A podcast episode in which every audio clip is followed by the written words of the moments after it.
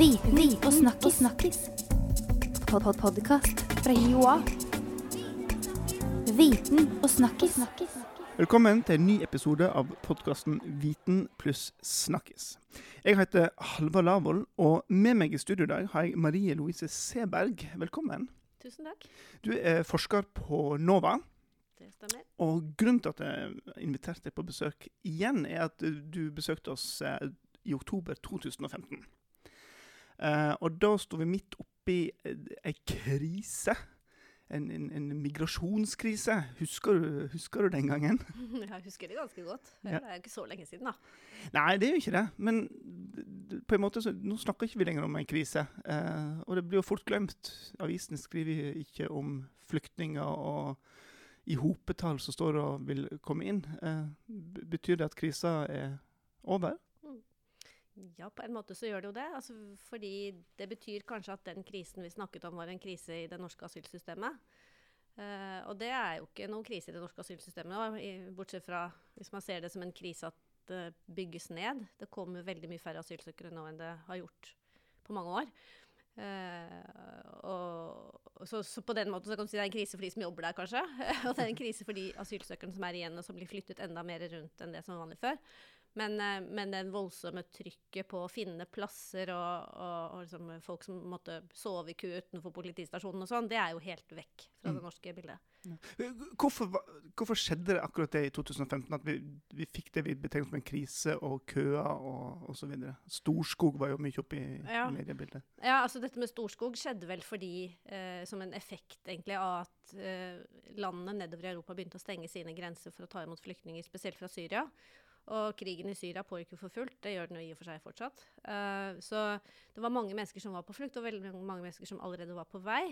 Uh, og så begynte de vel å forstå at det var fryktelig vanskelig, begynte å hope seg opp folk uh, langs grensene både Tyrkia, Hellas, Bulgaria, nedover hele veien. Og noen fant da ut at grensen mellom Russland og Norge var det fortsatt mulig å krysse uten at man møtte piggtråd og, og maskingevær.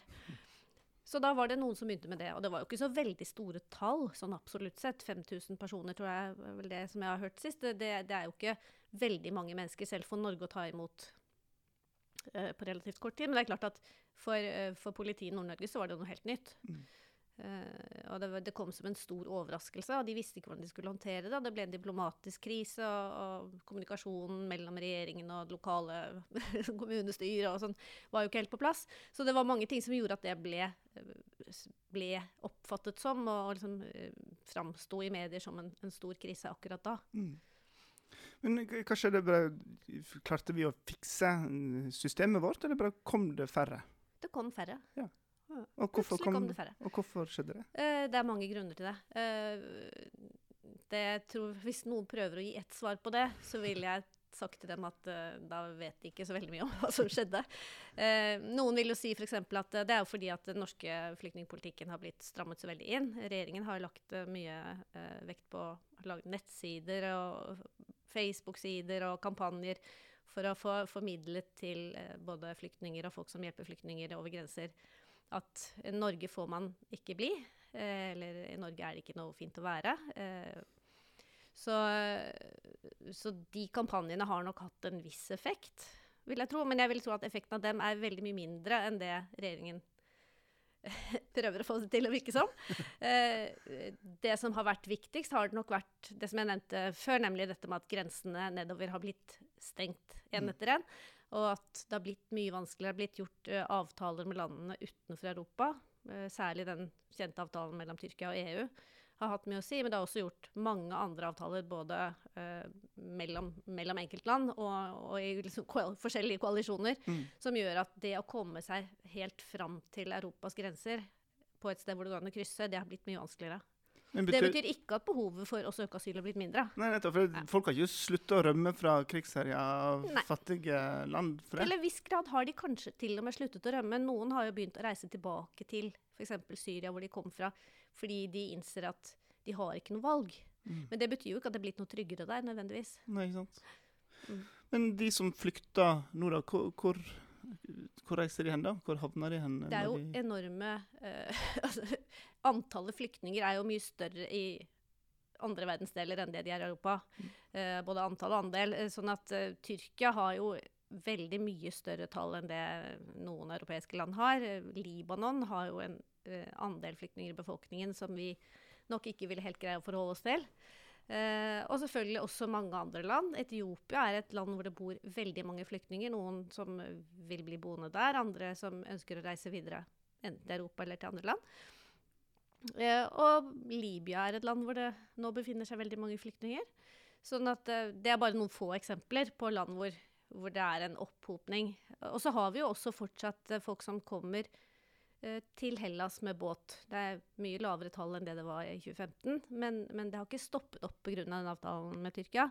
Eh, det som er forandringen der, er at grensene, eh, altså ikke Hellas sine grenser, men nabolandene sine grenser sørover har blitt stengt.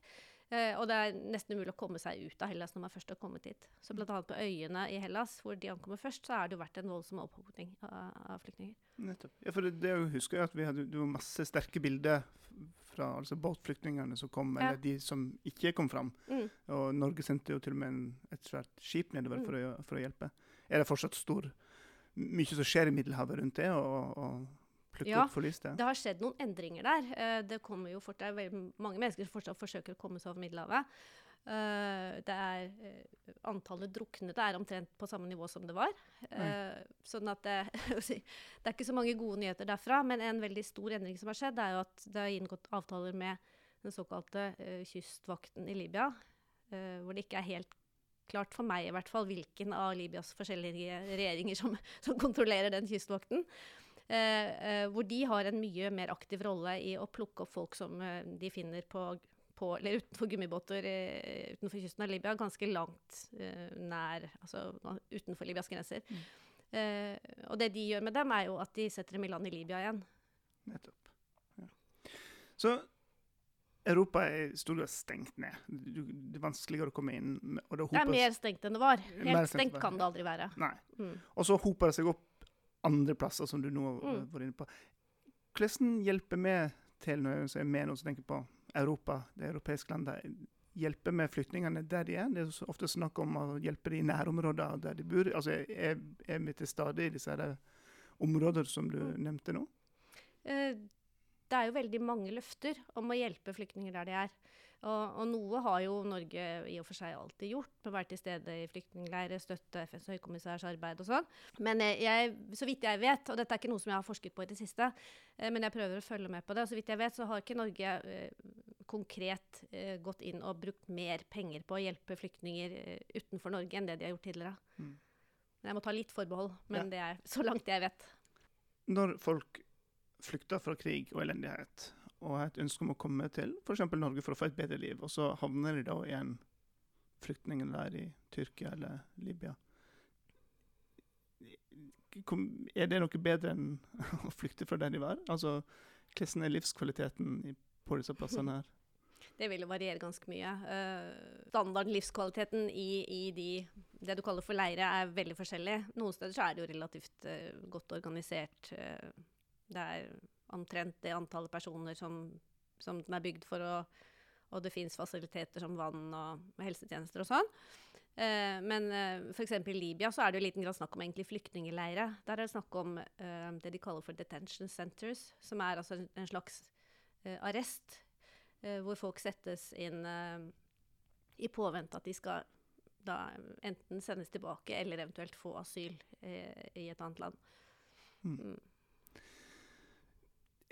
Den typen migrasjon som vi har sett da, siden det vi kalte krise i 15, år, som du sier har fortsatt, men andre plasser, er, det, er dette her normalen? Er det sånn du tror det kommer til å være, eller er dette fortsatt pga. at akkurat nå er det krig eh, i f.eks. Syria, og Mm. så vil det endre seg kanskje om noen år? Ja, så Det er jo alltid akkurat krig et eller annet sted. Eh, det som er litt spesielt, er jo at Syria er ikke så veldig langt fra Europa, som f.eks. Eh, eh, Sudan eller eh, andre land hvor det til enhver tid er krig rundt omkring på kloden. Men eh, altså, migrasjon er helt normalt. Og andelen av folk som befinner seg i et annet land enn det landet de ble født i nå, er omtrent det samme som det var for 100 år siden. Det er bare at det er så veldig mange flere mennesker, og så reiser de mye lengre Det er, sant? det er blitt mye lettere, tross alt, å komme seg ganske langt på ganske kort tid enn det det var før. Mm. I den prosessen her, når når det begynte å bli strengere på, på hvor mange som skulle få komme inn, og eh, grensekontroll, så var det ene argumentet integrering. Kapasitet til integrering. Og så det andre biten var sikkerhet. Eh, en, en frykta terrorister osv. Mm. Er dette reelle, to reelle argument og, og frykt som, som vi må ha med oss? Ja, to blant mange, vil jeg jo si. Mm. Men jeg kan kanskje bare følge opp det som jeg sa i sted, om at det er ikke så andelen migranter eller folk som reiser internasjonalt, er ikke så veldig mye mer enn det enn var for 100 år siden. Eh, så er en stor forskjell fra det er at grenser og grensekontroll har kommet til å spille en mye viktigere rolle. Eh, og det tenker jeg at det er det som er det unormale egentlig i den situasjonen vi har nå. Eh, og, og det at det settes inn så veldig mye krefter på å forsøke å holde grenser lukket, det har gjort f.eks. at vi har fått noe som mange kaller for en sikkerhetsindustri. Det er veldig mye penger i å vedlikeholde og opprettholde grensekontroller på en måte som ikke var oppfattet som normalt tidligere. Og vi venner oss jo til det utrolig. ikke sant? Jeg tenker på når jeg var på reise akkurat i går. altså Alt det du skal gjennom av, av, av kontroller for å flytte deg fra et land til et annet bare innenfor Europa, det er jo ikke noe som var kjent for noen tiår siden i det hele tatt. Men nå syns vi jo at det er mer eller mindre normalt. Vi syns det er irriterende, men vi tror det er nødvendig. Og det er jo interessant å tenke hvorfor vi tror det er nødvendig. Jeg tror ikke det er noen forskning som har, har funnet at det å, ha, bare lov å ha med bitte lite grann væske eksempel inn på et fly, har gjort at færre fly blir kapret. Eller Altså, det, det er veldig mange fortellinger som har fått veldig stor makt når det gjelder akkurat dette med grensekontroll. Og en, en av de fortellingene har med sikkerhet å gjøre. Hva hva tenker du om, om oppfatning av dette? For det, I 2015, når vi snakka om dette sist, så, så var det jo krise, og det var masse skjebnehistorier. Vi så noen helt vanvittige bilder som kom eh, fra den flyktningstrømmen der. Og som sagt, nå er det jo stille, media skriver ikke om det. Er vi fornøyd med sånn som det? Er den politikken og, og Er folk fornøyde? Ja, og jeg tror veldig mange syns at altså, det har ikke helt den samme nyhetsverdien lenger. Andre ting tar de store overskriftene. Øh, og altså når det gjelder hvis, hvis folk flest er folk som bor i Norge, så er jo vi veldig vant til å ha tillit til at regjeringen vet best. Kanskje litt for vant til å overlate de store avgjørelsene til, eh, til politikere som, som vi jo i og for seg har valgt. Eh, men vi følger kanskje ikke så veldig nøye med på eh, alle sammen hva det egentlig er de gjør. Det kunne vi, vil jeg i hvert fall ha håpet, at, at det har endret seg litt grann etter 2015, fordi det var en vekke for mange å se eh, at flyktninger som kom for å søke asyl i Norge, ikke ble tatt imot. Det var en slags sånn, vi vil ikke kalle det vekkelsesbevegelse, da, men det var mange som, som ble aktive for å hjelpe de menneskene bare med helt praktiske ting. Og mange av de menneskene har jo fortsatt med det. Og, og de lever jo også i sine lokalsamfunn. sånn jeg tenker at bevisstheten er kanskje litt større. Men så er det også noe med sånn ute av øye, ute av sinn. Mm. Så det er nok litt av begge deler. Under krisa her, når, når politikere og regjering satt med, med, alle som ville inn i landet, så ble det jo bestemt en del ting. Det ble laga politikk, det ble laga lover og regler. Eh, hva skjedde med det? Fortsatte de bare? Mm. Det ble gjort ganske mange ganske store endringer i de lovene som regulerer innvandringen til Norge eh, på det tidspunktet. Eh, og under sånne navn som innstramminger to og, og sånn. Eh, og veldig mange deler av lovverket ble endret. Noen av dem var meningen det skulle være midlertidige. Eh, noen av dem var det meningen skulle være mer permanent. Eh, men jeg vil jo etterlyse en mer kritisk gjennomgang av hvordan de endringene har blitt fulgt opp, og om det har, de har fungert slik de var tenkt å fungere. Om hvordan de fungerer i forhold til f.eks. de internasjonale konvensjonene som Norge har forpliktet seg til å følge, sånn som Flyktningkonvensjonen og Menneskerettighetskonvensjonen. Og det tenker jeg f.eks. Altså, det fins jo folk, øh, også eh, kompetente folk i Norge, som kunne gå ordentlig gjennom det. Vi har en riksrevisjon f.eks., og vi har også organisasjoner som Amnesty og andre som, som kunne gå veldig nøye gjennom de forholdene. Og, og det ville jeg egentlig veldig gjerne sett en debatt rundt. Har du eksempel på noen sånne Uh, ja, men jeg kan komme på noe sånn akkurat i farten. Altså, du har disse oktoberbarna som nå har vært litt fremme i nyhetene. Og jeg kjenner ikke de juridiske detaljene så veldig i det, men uh, de blir kalt oktoberbarna fordi at uh, de alle sammen Det er litt komplisert, da, men når folk ikke har en kjent fødselsdato, så blir de bare gitt en fødselsdato, og veldig mange av de eh, mindreårige asylsøkerne som kom på et tidspunkt, ble gitt fødselsdatoen 1. oktober. Eh, og så har de lagd en, en, en lovendring som er slik at de, når de fyller 18, så skal de ikke lenger ha opphold i Norge. Det er jo ikke så veldig fin bursdagsgave. Og, og der var det jo en del diskusjon i Stortinget, og det ble gjort et vedtak om at oktoberbarna skulle få revurdert sine saker. Eh, men det er veldig stor uklarhet rundt hva det egentlig innebærer at de skal få revurdert sine saker. Eh, og jeg tror kanskje ikke engang helt stortingspolitikerne skjønner hva det er de vedtar på det punktet. Så jeg kunne godt tenkt meg en, en mye grundigere, altså mye, mye mer offentlig debatt. Ikke bare eh, internt eh, på politikernes spor, men at også andre spurte og grov hva betyr dette i praksis eh, for min klassekamerat? Eller eh, vil vi egentlig ha den type regelverk som, eh, som jo gjør at en ungdom på f.eks. en, en 15-16 år ikke har noe særlig motivasjon for å følge norsk skolegang. fordi hva skal de med kunnskap om Norge og det norske samfunnet og det norske språket? Mm. Eh, og det er klart at psykisk og fysisk så er jo ikke det noen, noen gunstig situasjon for de relativt få ungdommene det gjelder. Det er jo ikke snakk om tusenvis, her er det snakk om noe over 100, liksom. Eh, så det er jo bare ett eksempel, men det er veldig mange andre. altså Endringer i reglene for familiegjenforening f.eks. Som det har vært tvil om de endringene har vært helt i tråd med de internasjonale forpliktelsene vi har. Mm. Eh, men tvilen har ikke blitt fulgt opp ordentlig. Og så ble det, ble det da vedtatt med litt større fart enn en vanlig, De ble vedtatt med veldig mye større fart enn vanlig. Det gjorde de. eh, fra liksom fredag til mandag omtrent. Så det, det er jo selvfølgelig, det ble kritisert da det ble vedtatt, men det er på en måte når det er gjort, så er det gjort. ikke sant? Man kan jo endre vedtak, og de- endringene eventuelt tilbake igjen ser ikke ut til å være mulig å gjøre like fort, og det er også litt pussig. Ja. Ja. Særlig når vi da ikke har noen krise i det hele tatt, i, i den forstand vi hadde det for to år siden. Ja, mm. For det er en ting jeg har vært opptatt av, det er jo tilgangen til skole. Uh, det har jo vært sånn ganske lenge f.eks. at hvis du er asylsøker altså Alle barn i Norge har, har en lovfestet rett til å gå på skole, og det har Norge vært ganske god til å følge opp. Skal du være i Norge mer enn tre måneder, så går du på skolen stort sett i Norge. Og det er jo kjempefint.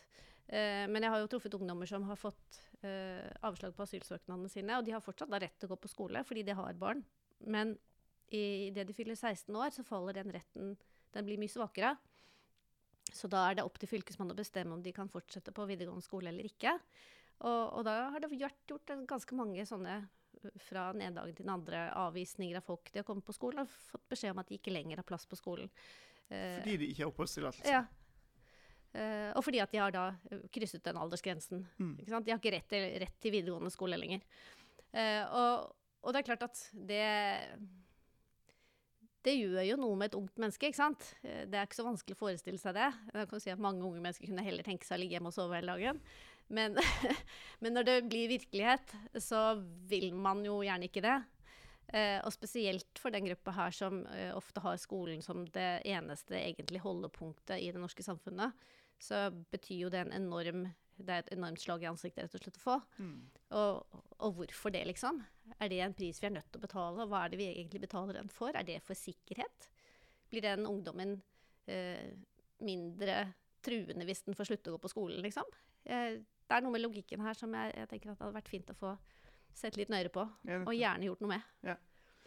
Så, så det, er, sånn- er regelverk som sier at den der eh, retten til skolegang blir mye svakere ved Mm. Ja, 16 altså De kan få fortsette å gå på skole hvis fylkesmannen eh, sier ja, Mm. sånn at det vil variere fra, fra fylke til fylke, Nettopp. rett og slett. Ja.